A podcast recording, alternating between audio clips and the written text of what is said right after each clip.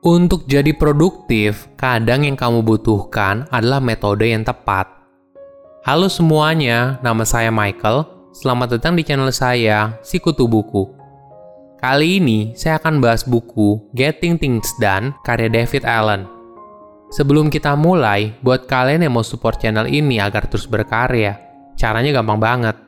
Kalian cukup klik subscribe dan nyalakan loncengnya. Dukungan kalian membantu banget supaya kita bisa rutin posting dan bersama-sama belajar di channel ini. Buku ini membahas soal filosofi sederhana untuk meningkatkan produktivitas. Agar bisa produktif, kamu harus tahu dulu apa definisi dari pekerjaan yang tuntas dan pekerjaan apa saja yang harus dikerjakan. Apakah kamu pernah merasa kewalahan dalam bekerja? Atau kamu tidak tahu harus mulai dari mana ketika kamu mulai mengerjakan sebuah tugas yang besar. Kamu mungkin terlalu sibuk berpikir hingga tidak tahu harus mengerjakan apa. Getting things done fokus pada hal kecil apa yang bisa kamu lakukan berikutnya. David berpendapat, produktivitas kita berbanding lurus dengan kemampuan kita untuk rileks.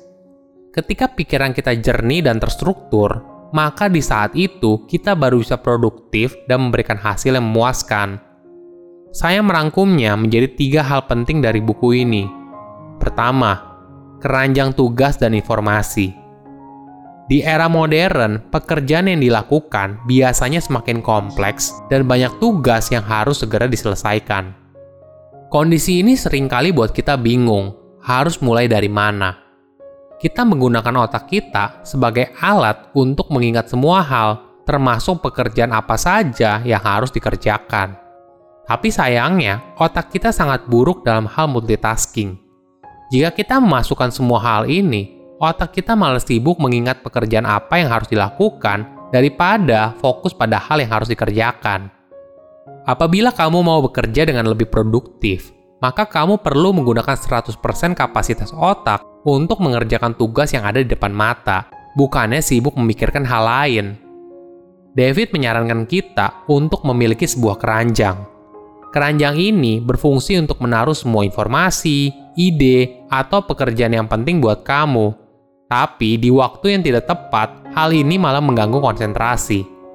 Pengertian keranjang ini bukan berarti harafiah, tapi bisa juga berbentuk buku catatan atau catatan digital.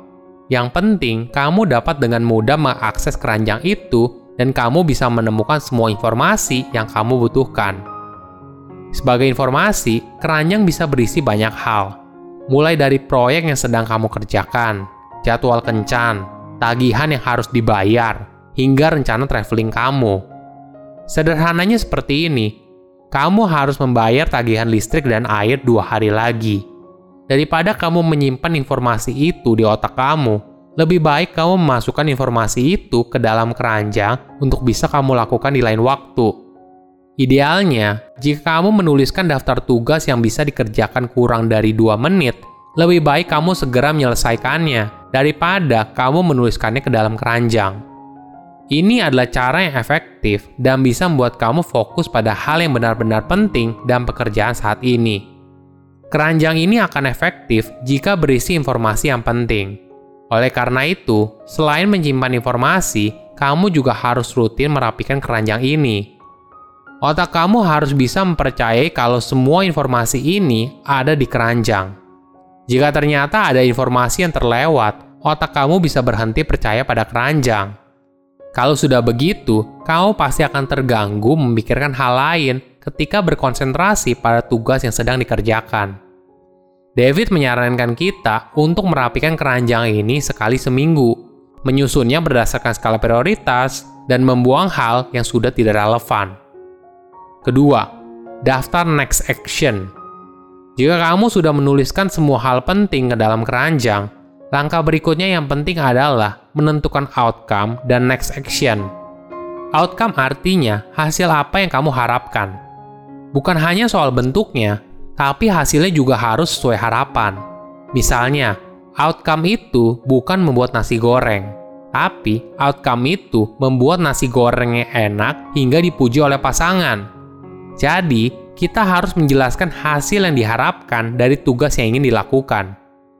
Apabila kita sudah tahu apa outcome yang diharapkan, langkah selanjutnya yaitu menuliskan next action atau langkah selanjutnya.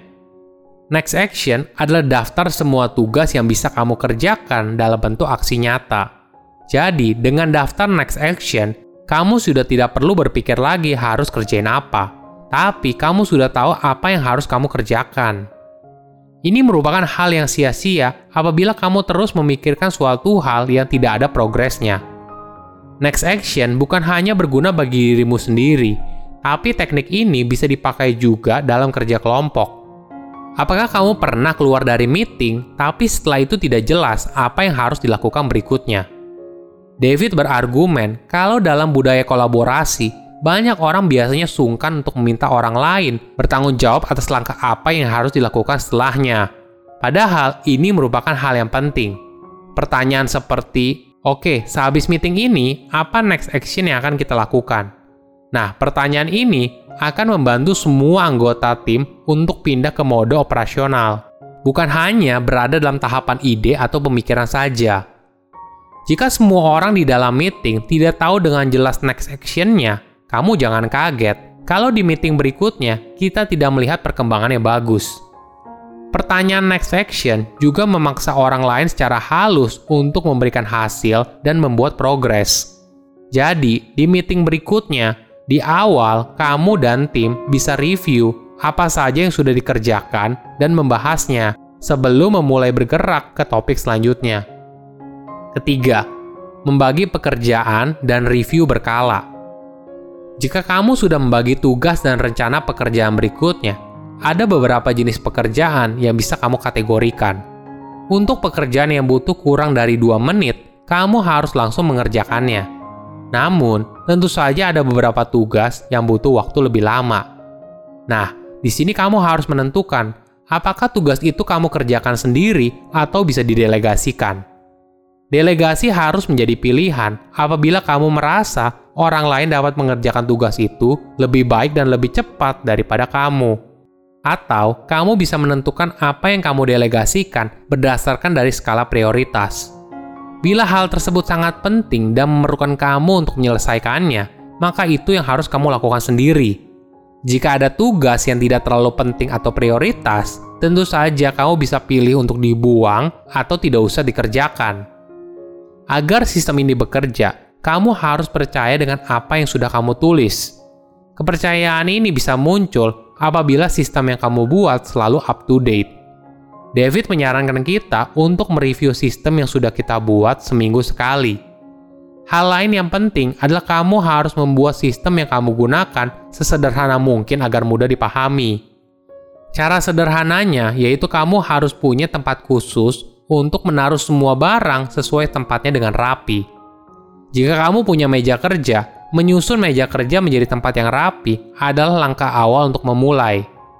Bagaimana kamu bisa tahu kalau sistem yang kamu gunakan sudah terlalu rumit? Ada beberapa indikator yang bisa kamu perhatikan. Misalnya, next action kamu tidak bisa langsung dilakukan karena tidak jelas. Folder yang isinya banyak folder, sehingga kamu jadi menghabiskan waktu untuk mencari file yang kamu butuhkan dan kalau ada hal penting yang terlewat. Jika kamu sudah melihat satu dari beberapa indikator itu, tandanya sistem kamu sudah mulai rumit dan bukannya mempercepat proses, malah sistem kamu akan membuat kamu bekerja lebih lama dan menambah stres pekerjaan yang kamu jalani.